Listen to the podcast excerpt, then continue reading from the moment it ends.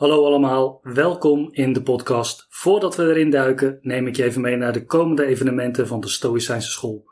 Op 1 en 2 juni verzorg ik weer de basiscursus Stoïcijnse levensfilosofie, op vele verzoek in de herhaling. De absolute basis in thema's en begrippen van deze manier van leven. Binnen twee dagen ben jij opgestart. De eerste Stoïcijnse week hebben we achter de rug en de tweede komt eraan in augustus. Heb je dus de afgelopen editie gemist? Je kunt nog een keer ruim aandacht voor de Stoïcijnse filosofie van Epictetus en een keur aan gastdocenten. Heb je de basis wel goed zitten en wil je meer naar de verdieping? In september begint aan de ISVW in Leusden een masterclass Seneca. Ook op herhaling, vijf weekenden lang de teksten van Seneca in, beter begrijpen en toepassen in je leven. In de tweede helft van 2024 komen nog veel meer mooie zaken aan, dus houd de evenementenpagina van www.destoïcijnseschool.net in de gaten. En dan nu na deze aflevering. Welkom in de Stoïcijnse School, een podcast waarin we onderzoeken wat het Stoïcisme kan bieden in het dagelijks leven.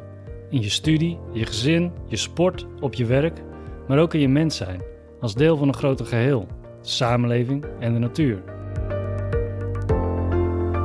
In de Stoïcijnse School bespreken we alles, van alledaagse dilemma's, psychologie en politiek tot de klassieke teksten van Epictetus, Seneca en Marcus Aurelius. Als jij streeft naar een rijke, ruime benadering van de Stoa en hoe je deze in jouw leven kunt implementeren, dan is dit jouw plek. Mijn naam is Dennis de Gruiter, organisatiefilosoof, schrijver, practicus en jouw gastheer in de Stoïcijnse School.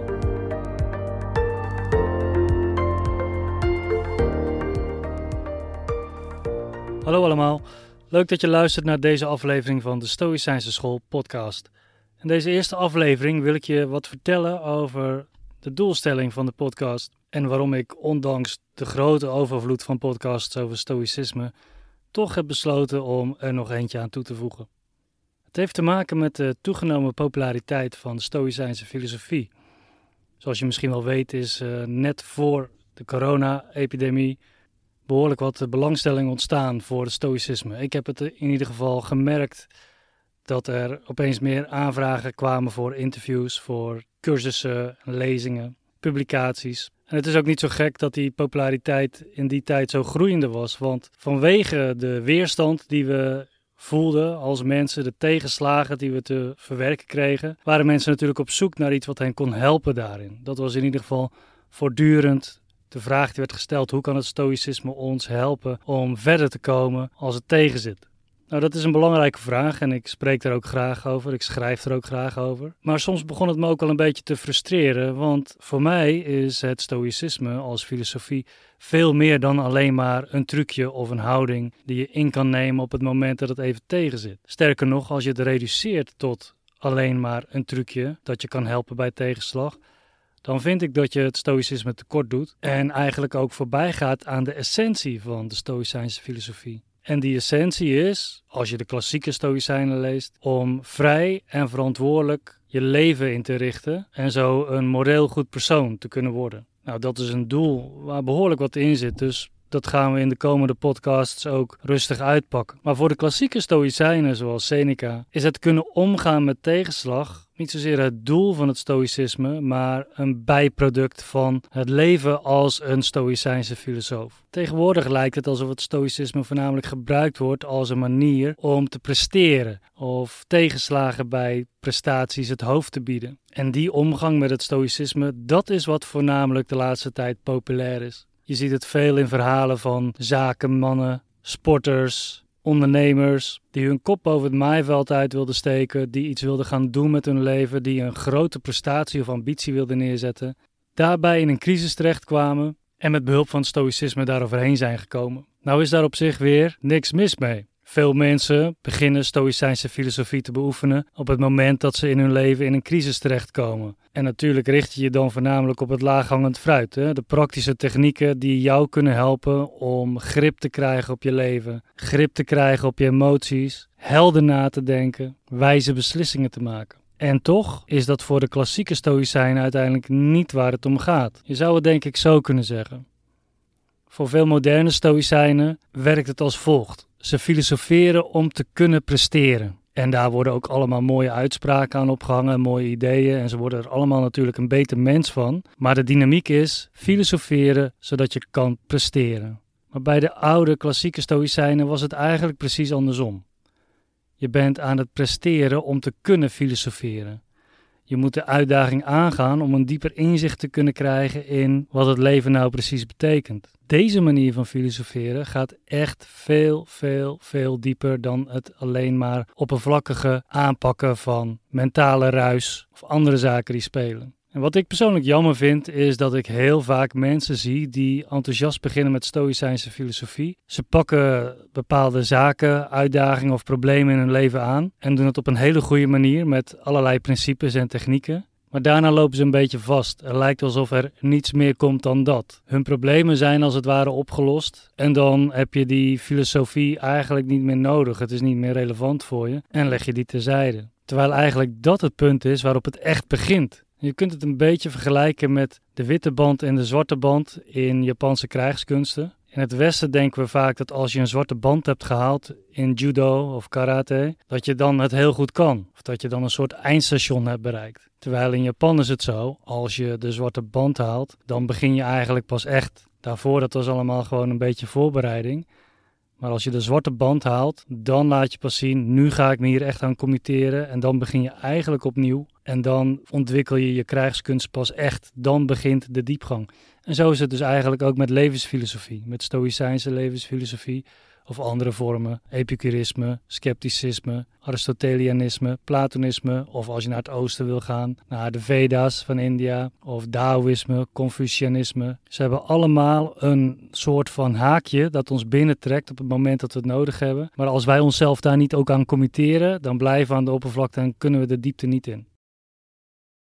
Nou kom ik ook heel vaak mensen tegen die wel voorbij willen, voorbij dat oppervlakkige. Die meer de teksten in willen bijvoorbeeld, of meer het gedachtegoed van een bepaalde stoïcijnse filosoof willen gaan onderzoeken. Maar dan vervolgens een beetje vastlopen in de klassieke teksten. Want dat zijn natuurlijk teksten uit een totaal andere tijd, een totaal andere wereld ook. Marcus Aurelius, ongeveer 1900 jaar geleden. Seneca, ongeveer 2000 jaar geleden.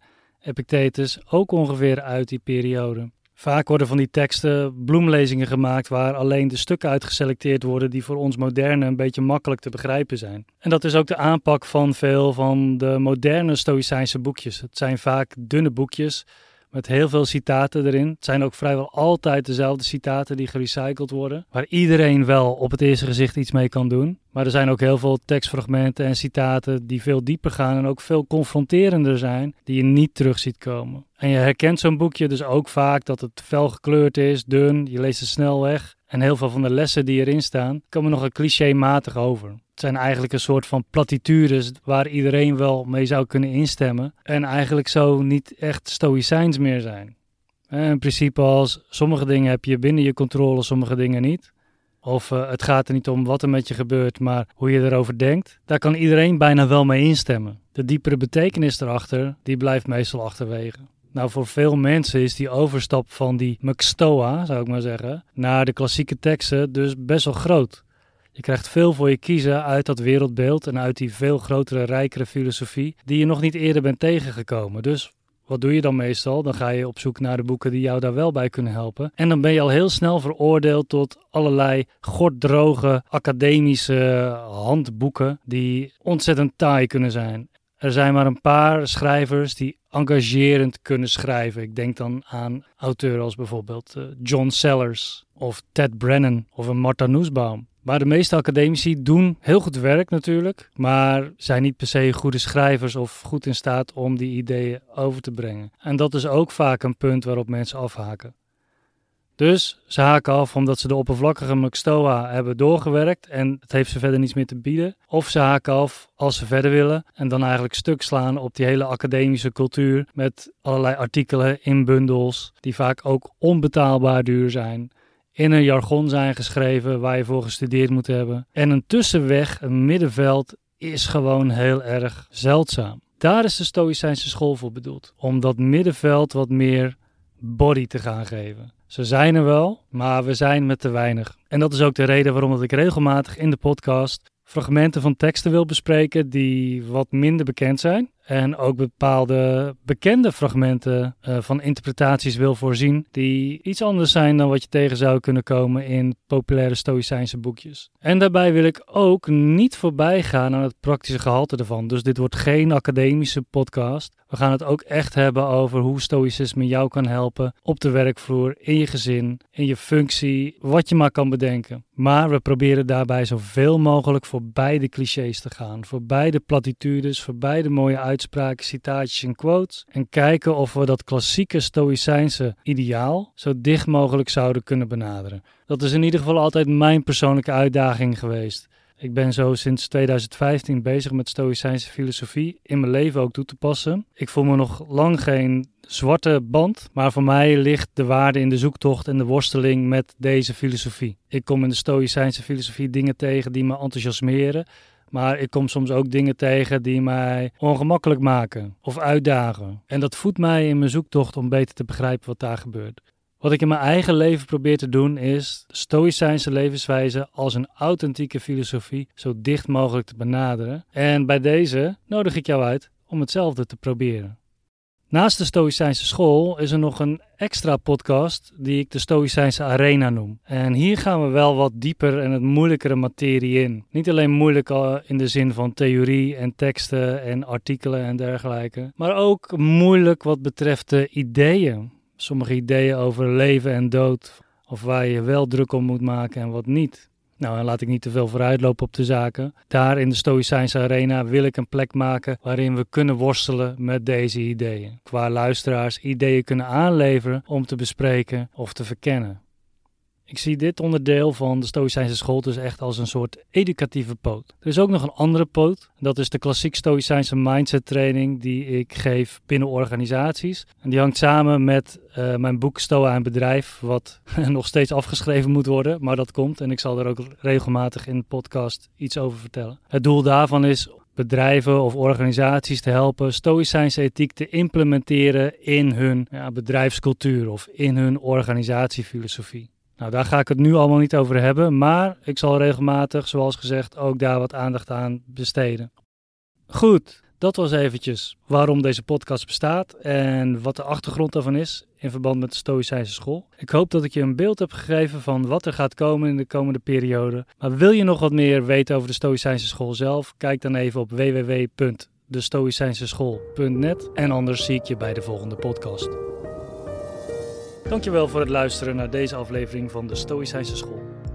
Je kunt ons steunen door een recensie achter te laten bij je favoriete podcastmedium of deze aflevering te delen met iemand die het kan gebruiken.